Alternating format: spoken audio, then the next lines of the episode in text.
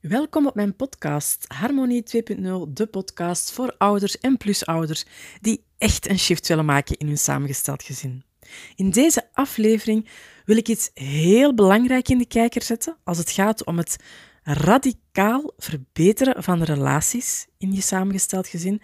Ik wil het hebben over iets dat totaal onderbelicht wordt in mijn ogen en, en, en dat iets dat is voor mij echt, ja, de oplossing aller oplossingen. Ik heb het hier over het principe van erkenning. Nu, ik kan me voorstellen dat je nu misschien je wenkbrauwen fronst en denkt van... De, wat een vreemd onderwerp is dat. Wat ben ik daar nu mee? Ik ben op zoek naar concrete oplossingen voor mijn problemen. Ik begrijp dat volledig.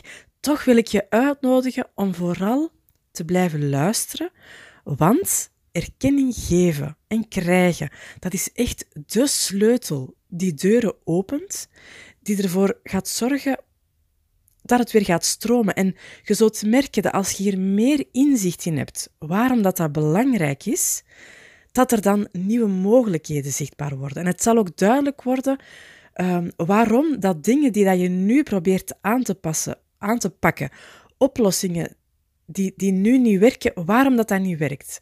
En aan het einde van deze aflevering wil ik ook echt uh, iets, dat, dat begrip van erkenning concreet maken, zodat je er ook effectief iets mee gaat kunnen. Nu, eerst en vooral een voorbeeld van een situatie in een samengesteld gezin waarbij mensen vastlopen en waarbij erkenning tot een doorbraak leidt. Deze week uh, had ik een koppel bij mij over de vloer en die twee partners die gaven aan dat zijn kinderen helemaal niet gelukkig waren als ze bij hen waren. Twee lagere schoolkinderen. Het beeld dat van hen geschetst werd, dat was zo ja, alsof dat die twee kinderen zo met stijve armen op het puntje van de zetel zaten in de woonkamer, als het ware wachtend tot ze enkele dagen later weer naar hun mama konden vertrekken, mama in het andere huis. Zo enkel wat fluisterend naar elkaar, zo de andere huisgenoten wat negerend. En natuurlijk, die situatie bracht superveel spanning in huis. De stiefmama bijvoorbeeld, die wist totaal niet hoe dat ze erop moest reageren. Ze voelde zich helemaal niet op haar gemak. Um, ja, ze durfde niet meer veel zeggen, uit schrik om de situatie nog erger te maken, om het nog onveiliger te maken. En zoals je misschien weet, als je naar de vorige aflevering van deze podcast hebt geluisterd, het resultaat van haar zwijgen was dat ze zich natuurlijk zelf niet meer veilig begon te voelen op den duur. Ze kropte al haar frustraties op. En ja, na een tijd word je dan echt effectief een wildvreemde in je eigen huis. Wat ze deed, was um, zich terugtrekken op hun slaapkamer wanneer zijn kinderen er waren. En het koppel kreeg hier regelmatig spanning over. De man, dus haar man, de vader van de kinderen, die wist zich geen raad met de situatie. Ik stel me hem zo voor, bij wijze van spreken, zo ijsberend door huis. Hij snapte ergens wel waarom zijn vrouw zich terugtrok, maar hij voelde zich zo verantwoordelijk voor de situatie. En dus begon hij tegen haar in te gaan en te zeggen van allee schat, kom nu toch van die kamer af. Je moet je dat allemaal zo niet aantrekken. Dat is niet persoonlijk bedoeld. Het komt gewoon door hun moeder, die de scheiding maar niet verwerkt krijgt en meetrekt in haar zielige verhaal. En ja, ik denk dat hij zelfs ook wel wat boos werd uh, op zijn vrouw. Uit machteloosheid, vermoed ik, hè, omdat zij zich daar gekwetst teruggetrokken uh, blijft houden. Um, maar dus die, zijn boodschap hielp die vrouw dus niet van haar kamer af. Sterker nog, zij begon bij zichzelf te denken van ja, eigenlijk heeft hem wel gelijk. Ik kan me er niet over zetten. Het ligt aan mij. Waarom trek ik mij die dingen toch zo hard aan?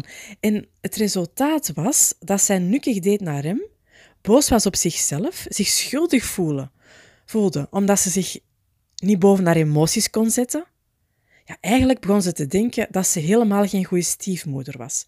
Nu, even terug naar die man. Hè, want naar zijn twee kinderen toe deed hij ook iets heel bijzonders. En daar wil ik het hier over hebben.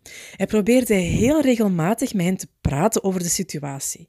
Hij probeerde oprecht oplossingen te vinden voor hun ongemak. Hij probeerde uit te vinden wat dat, dat zo onveilig maakte voor hen.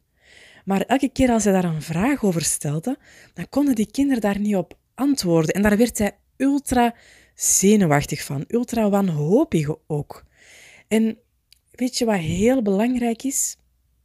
Dat is niet wat dat je zegt, maar hoe dat je het zegt. De intentie achter jou spreken, de energie die achter de woorden zit. En wat dat hij energetisch eigenlijk deed met zijn kinderen, was tegen hen ingaan. En, en dat was ook het effect dat hij had, ook al was dat zijn bedoeling niet. En zijn bedoeling was oprecht dat die kinderen zich meer op hun gemak zouden voelen, zodat de sfeer in huis ook zou kunnen ontdooien. Maar wat hij uiteindelijk de facto deed, was wanhopig tegen hen inbeuken. Hè? Dat inbeuken, is dus het wanhopig eisen van zijn kinderen, dat ze zeggen wat er scheelt, wat ze nodig hebben. Hè? Zo van, zeg me toch wat jullie niet oké vinden. En de energie in die zin is eigenlijk... Um, dus die, de energie die dat, dat uitstraalt, is eigenlijk van: het is niet oké zo wat jullie ervaren. Dat is niet oké, dat moet veranderen. En dat is alles behalve de energie van erkenning. Dus oké, erkenning, daar gaat het hier over. Erkenning hier zou zijn dat hij door zijn woorden, door zijn houding heen, uit, iets uitstraalt in de trend van natuurlijk voelen jullie je hier niet op je gemak. En weet je, de kinderen die kunnen niet precies aangeven waar ze mee zitten. En ik weet dat natuurlijk ook niet exact. Maar ik kan er wel een beetje naar raden. Ik weet wel, er is veel gebeurd. Er is een scheiding geweest, heel veel verandering. Dan de vorming van een samengesteld gezin. Nog meer verandering. Leven met stiefrelaties, verschillende gewoonten, manieren in huis. Andere geuren, kleuren, geluiden. altijd een ouder moeten missen. En hier speelt effectief ook nog de situatie uh, waarin dat er een spanningsveld zit tussen de beide biologische ouders, dus tussen mama in het ene huis en papa in het andere huis. En er is grote kans hier in dit specifieke voorbeeld dat de kinderen zich loyaal voelen naar mama. En dat ze haar nodig hebben omdat zij hen nodig heeft. Dat is soms dat kinderen onbewust voor hun ouders zorgen. En weet je, voordat ik verder ga, wil ik hier iets aanstippen, want er loert hier een hele grote valkuil om de hoek. Het ligt hier namelijk voor de hand dat hij bijvoorbeeld uh, een hartig woordje gaat spreken met zijn ex vanuit onmacht. Dat hij gaat proberen om met hand en tand uit te leggen dat het niet oké is hoe dat zij met de kinderen omgaat. In de hulpverlening noemen we dat hoe dat zij de kinderen parentificeert. Maar weet je, dat lucht misschien op, op korte termijn. En dat geeft u misschien het gevoel dat je het heft in eigen handen neemt. Maar op lange termijn gaat hier alleen maar meer in de verstrikking komen. Gaat, dat, gaat het alleen maar een groter wordend kluwen worden, want het is allemaal de energie van weerstand, van tegen iets zijn.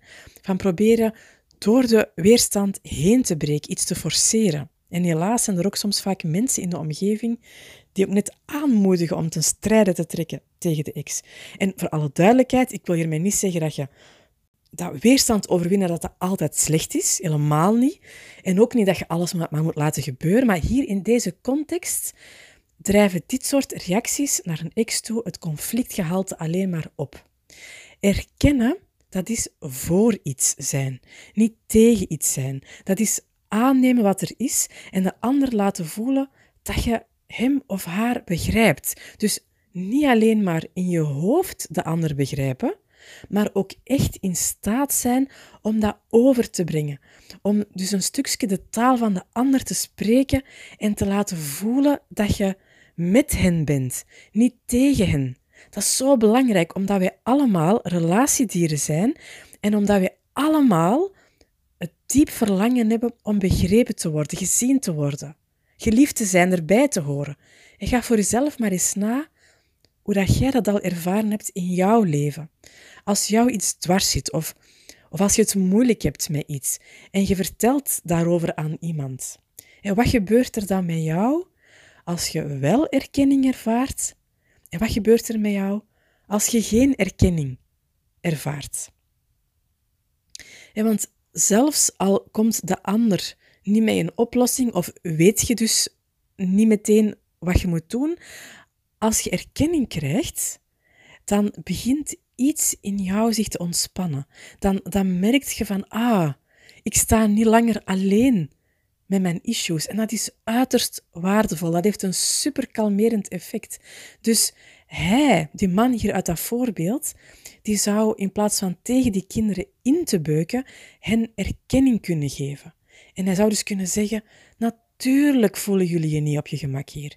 En weet je, misschien zit het verschil niet eens in de woorden die hij gebruikt, maar absoluut wel in de energie ervan, in de uitnodiging die erin zit. dus als hij zegt van natuurlijk voelen jullie je niet op je gemak hier, dan is dat eigenlijk een soort uitnodiging um, om samen met die kinderen te gaan zoeken, helder te maken wat dat het eigenlijk precies is dat ze zo lastig vinden, om daar samen woorden rond te vinden. Ja, want die kinderen die kunnen dat mogelijk zelf totaal niet nu zo verwoorden. En die, die, dat proces van helder maken, van, van oplossingen vinden, dat moet niet hier en nu, meteen, vandaag, maar er mag een soort rust van uitstralen. Natuurlijk voelen jullie je niet op je gemak hier. Er is geen haast. ouderschap, dat is voor altijd, dus er is ook tijd. En stel je voor, stel je voor dat die kinderen, dus dat hij, dus dat hij zijn, de energie verandert en dat hij inzet op erkenning in plaats van inbeuken. Misschien, er is een kans dat die kinderen toch dichtgeklapt blijven. Maar toch is dat waardevol, want als zij maar gewoon al kunnen voelen dat hij aanwezig is als vader, dat hij niet tegen hen is, dat, dat, dat hij hen niet afkeurt, dat is van enorme waarde. Zijn aanwezigheid, dat is de warmte die het mogelijk gaat maken om beetje per beetje te kunnen onttooien. Hij is hun veilige haven in dat vreemde nieuwe gezin. Dat contact met hem is cruciaal. Ik hoop dat, dat ik dat wat duidelijk kan maken. En ik hoop ook dat je kunt voorstellen hoe dat erkenning echt voor een andere schwung kan zorgen. Een opening creëert. Niet als een soort trucsje hè, om de ander te overhalen tot iets, want ja, dan werkt dat averechts, maar echt oprecht. De menselijkheid in de ander zien en dat ook uiten. Erkennen wat is. Aannemen wat is. Ook al begrijpt je dat nog niet helemaal in de details. Want het is alsof dat je daarmee uitstraalt uh, dat er menselijke logica zit achter het gedrag van die andere persoon dat je nu misschien nog niet tot in de puntjes begrijpt. En daarmee wil ik trouwens niet zeggen dat hij de kinderen naar hun mond moet praten, dat hij tegemoet moet komen aan al hun wensen en verlangens, dat er geen grenzen meer mogen zijn. Integendeel, hè, want een gebrek aan grenzen zorgt juist voor nog meer onveiligheid. Dus erkenning en begrenzing zijn helemaal geen tegengestelde. Nu, Waarom is het allemaal zo simpel niet in relaties en al zeker niet in samengestelde relaties? Dat is omdat er meerdere mensen tegelijk zijn die verlangen naar gezien worden en die allemaal erkenning kunnen gebruiken voor hun moeilijkheid, voor de uitdagingen waarmee dat ze te maken krijgen. En mensen snakken dus vaak allemaal tegelijk naar erkenning en daarin rijden ze zich vast. Want de ene kan de andere geen erkenning geven, omdat die een ene dan het gevoel heeft dat hij zichzelf in het eigen vel snijdt. Ik zie dat super vaak gebeuren, bijvoorbeeld tussen partners. En daardoor, daardoor ontstaan er echt hardnekkige relatieproblemen. Er komt als het ware een soort strijd om erkenning.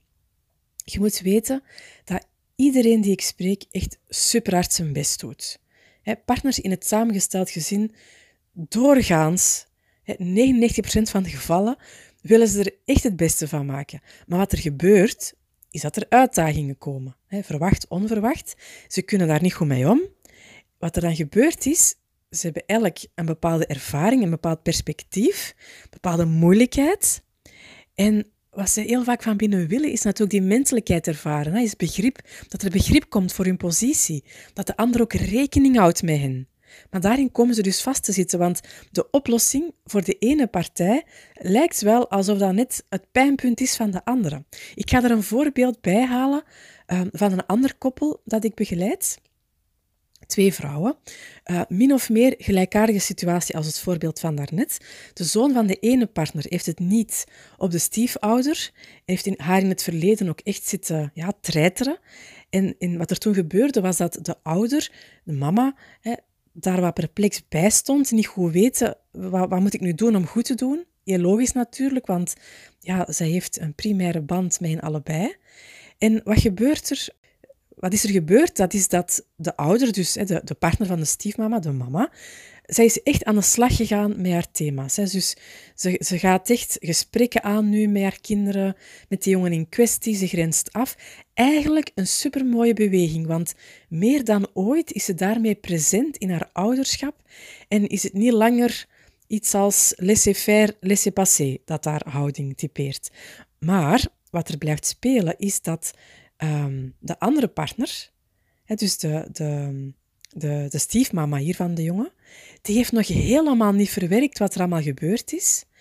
En iets in haar blijft zich gekwetst voelen.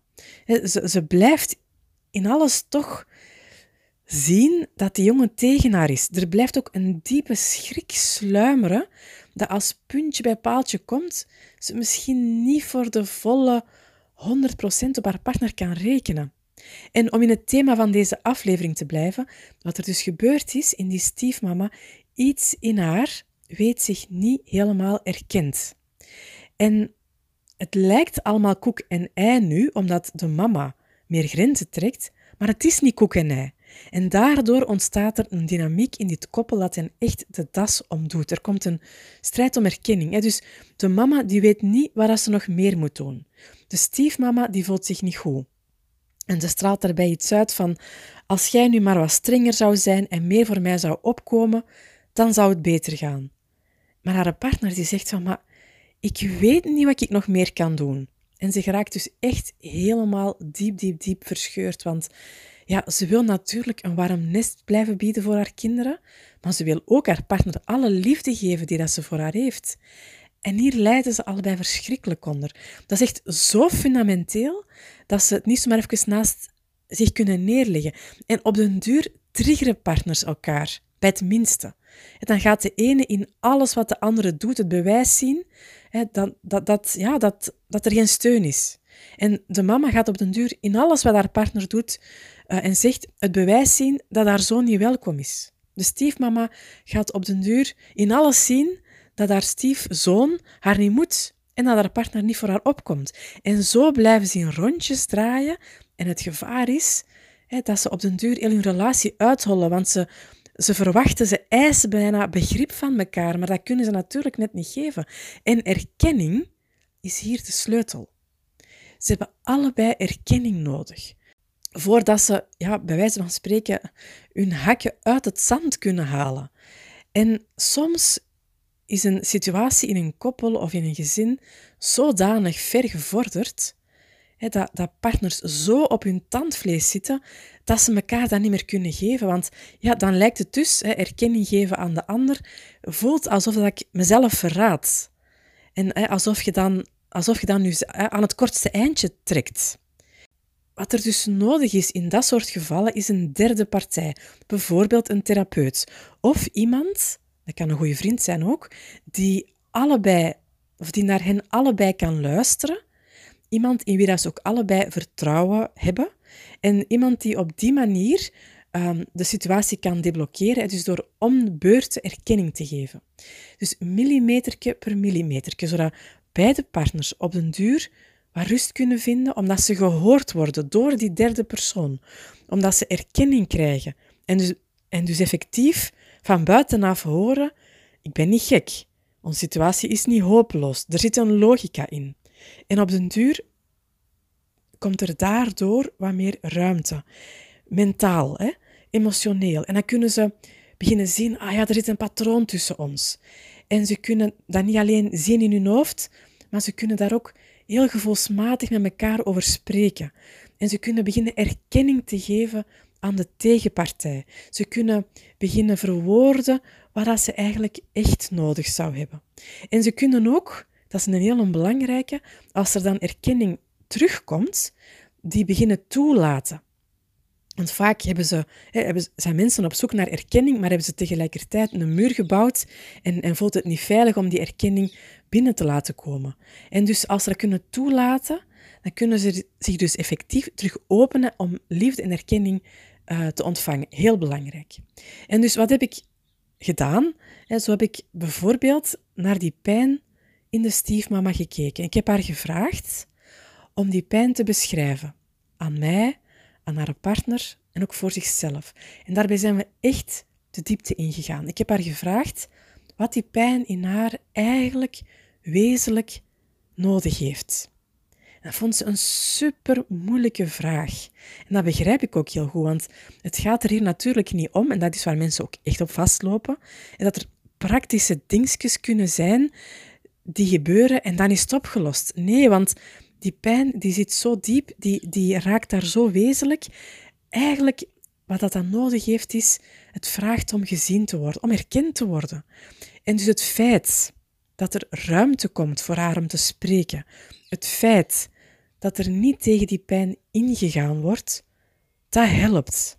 Het feit dat die pijn niet in vraag gesteld wordt, dat er bewust aandacht voor gemaakt wordt, dat helpt. En wat er dan gebeurt, als er die erkenning komt, dat is dat er vaak tranen komen. En dat is letterlijk hoe dat erkenning de boel opent en laat stromen. Want echte erkenning brengt naar de essentie en raakt. Dat is alsof dat je, bij wijze van spreken, een wonde zuiver maakt. En, en daardoor kan die op een gezonde manier beginnen helen. En daardoor ontstaat er dus ruimte in iemand om ook effectief naar de overkant te kijken, om te zien wat er daar gebeurt. En zo dadelijk wil ik um, een belangrijke communicatietip geven, hè, zodat je er zelf voor kunt zorgen dat er meer erkenning komt. Maar eerst wil ik nog heel kort even een verhaal vertellen. Een soort um, parabel eigenlijk. Iets wat heel treffend beschrijft wat dat er nodig is, wat dat er gebeurt als mensen vastzitten. En, en als ze daar dus op zichzelf niet uit geraken en hoe dat hulp van buitenaf kan deblokkeren. Het verhaal vraagt wat rekenwerk, dus neem er misschien even een blad papier bij. Uh, zeker als je niet zo heel rekenkundig aangelegd ben, bent, uh, zodat je goed kan, kunt volgen. Oké, het verhaal gaat als volgt. Er was eens een oude man en die man die lag op sterven. Hij had drie zonen en hij laat die drie zonen tot bij hem komen uh, om zo de laatste regelingen te treffen. Hij wilde hen um, heel zijn bezit overmaken en dat waren 17 kamelen. En hij zei, de erfenis moet als volgt verdeeld worden. Het oudste kind die gaat de helft krijgen van de kamelen. De tweede die gaat een derde krijgen en het jongste kind een negende. En net op het moment dat die oude man die woorden had uitgesproken, stierf hij. En die kinderen uh, bleven alle drie verbijsterd achter. Nu even tussen haakjes. Ze blijven niet verbijsterd achter, omdat, de, de, omdat ze niet allemaal hetzelfde krijgen. Daar gaat het hier in dit verhaal niet om. Maar ze blijven verbijsterd achter, omdat ze niet zien hoe dat ze die verdeling voor elkaar kunnen krijgen. Want probeer maar eens de helft of een derde of een negende van 17 te doen. Ja, daar komen die kameel natuurlijk niet levend vanaf. Dus um, die drie kinderen die gingen op zoek en die vonden iemand, een wijze uh, man, um, die dus uh, wijs was, maar ook arm was. Hè. Een man die namelijk maar één kameel bezat. En die drie kinderen vroegen die man om hulp om het schijnbaar onoplosbare probleem van die erfenis op te lossen. En wat deed die wijze man? Die nam zijn kameel en die voegde die kameel bij de 17 anderen. In totaal zijn er dan dus 18 kamelen, als je goed kunt tellen. En vanaf dan was de verdeling volgens de wil van de vader kinderspel. Want de oudste kreeg de helft van 18 kamelen, dus 9 kamelen. De tweede zoon die ontving een derde, dus 6 kamelen. De jongste tenslotte, die kreeg 2 kamelen, of 1 negende. En telt maar eens na, hè, de cijfers 9 kamelen, 6 kamelen, 2 kamelen. Daar zijn er dus samen 17, net zoals de vader had voorzien. En die achttiende kameel, die van de wijze man, ja, die bleef dus over. Die hadden die drie jongens niet meer nodig. En dus kon die wijze man zijn kameel terugkrijgen. Prachtig verhaal, vind ik. Hè? Met dank trouwens aan uh, Koen van Dijk, een therapeut, van wie ik dit verhaal uh, jaren geleden voor het eerst hoorde. Dat gaat echt voor mij over hoe um, een derde partij, hier dus de, de oude wijze man met zijn ene kameel, hoe dat zo'n derde partij ervoor kan zorgen dat er een proces gedeblokkeerd geraakt. En hier gaat dat, in, in therapie bijvoorbeeld, gaat dat over hoe dan een therapeut uh, als derde partij erkenning kan geven, waar dat bijvoorbeeld koppels dan niet meer aan elkaar kunnen. En met de erkenning, dat is dus nodig voor alle partijen. Hè? Dus dat is niet enkel nodig voor de kinderen in een loyaliteitsconflict, of voor de stiefmama die genegeerd geweest is, of um, de stiefpapa die goede um, raad heeft daarbij niet gevolgd wordt, of een ouder die keihard zijn best zit te doen en uiteindelijk alleen maar weet te ijsberen. Dus erkenning is nodig voor alle partijen. Ik wil u bij deze ook van harte uitnodigen om contact met mij op te nemen als je merkt dat jullie op de een of andere manier geblokkeerd zitten uh, in jullie situatie en daar niet uit geraken. Surf bijvoorbeeld naar mijn website cindyschepers.be slash intake. Uh, ik help jullie heel graag verder. Um, goed, ik had beloofd om uh, af te ronden met een communicatietip en dat ga ik bij deze ook doen. Kijk, hè, erkenning is, gaat dus um, over aannemen wat er is. En erkenning is daarmee het tegenovergestelde van ja maar zinnetjes. dus als jij tegen een kind of je partner bijvoorbeeld zegt van ik begrijp dat wel en ik snap je perspectief wel, maar puntje, puntje, puntje. Hè. Op dat moment zet je geen erkenning aan het geven, komt er dus de energie van het inbeuken tegen of het afwijzen of het minimaliseren. En daarmee gaat het in een spiraal terechtkomen, hoe langer hoe meer, um, waarin dat je dus niet gehoord voelt en, en dat de ander die gaat dan dus eigenlijk alleen maar nog, nog sterker moeten neerzetten wat dat die wil uitdrukken. En, en dus komt je gemakkelijk in zo'n negatieve spiraal terecht. Dus het is niet ja maar, maar ik zou je willen aanmoedigen, bij wijze van communicatietip, om als volgt te doen. Ja, punt. Ja, punt. Dus bijvoorbeeld jouw partner zegt iets tegen jou en je zegt bij wijze van spreken ja. Niet zomaar even technisch als een kunstje, hè, want daar gaat, daar, daar gaat je partner zich niet mee, mee laten afschepen natuurlijk. Maar echt als ja, kun je echt de boodschap van de ander binnen laten komen, daarin die boodschap laten zakken, laten zien, ja, natuurlijk ervaarde jij dat zo.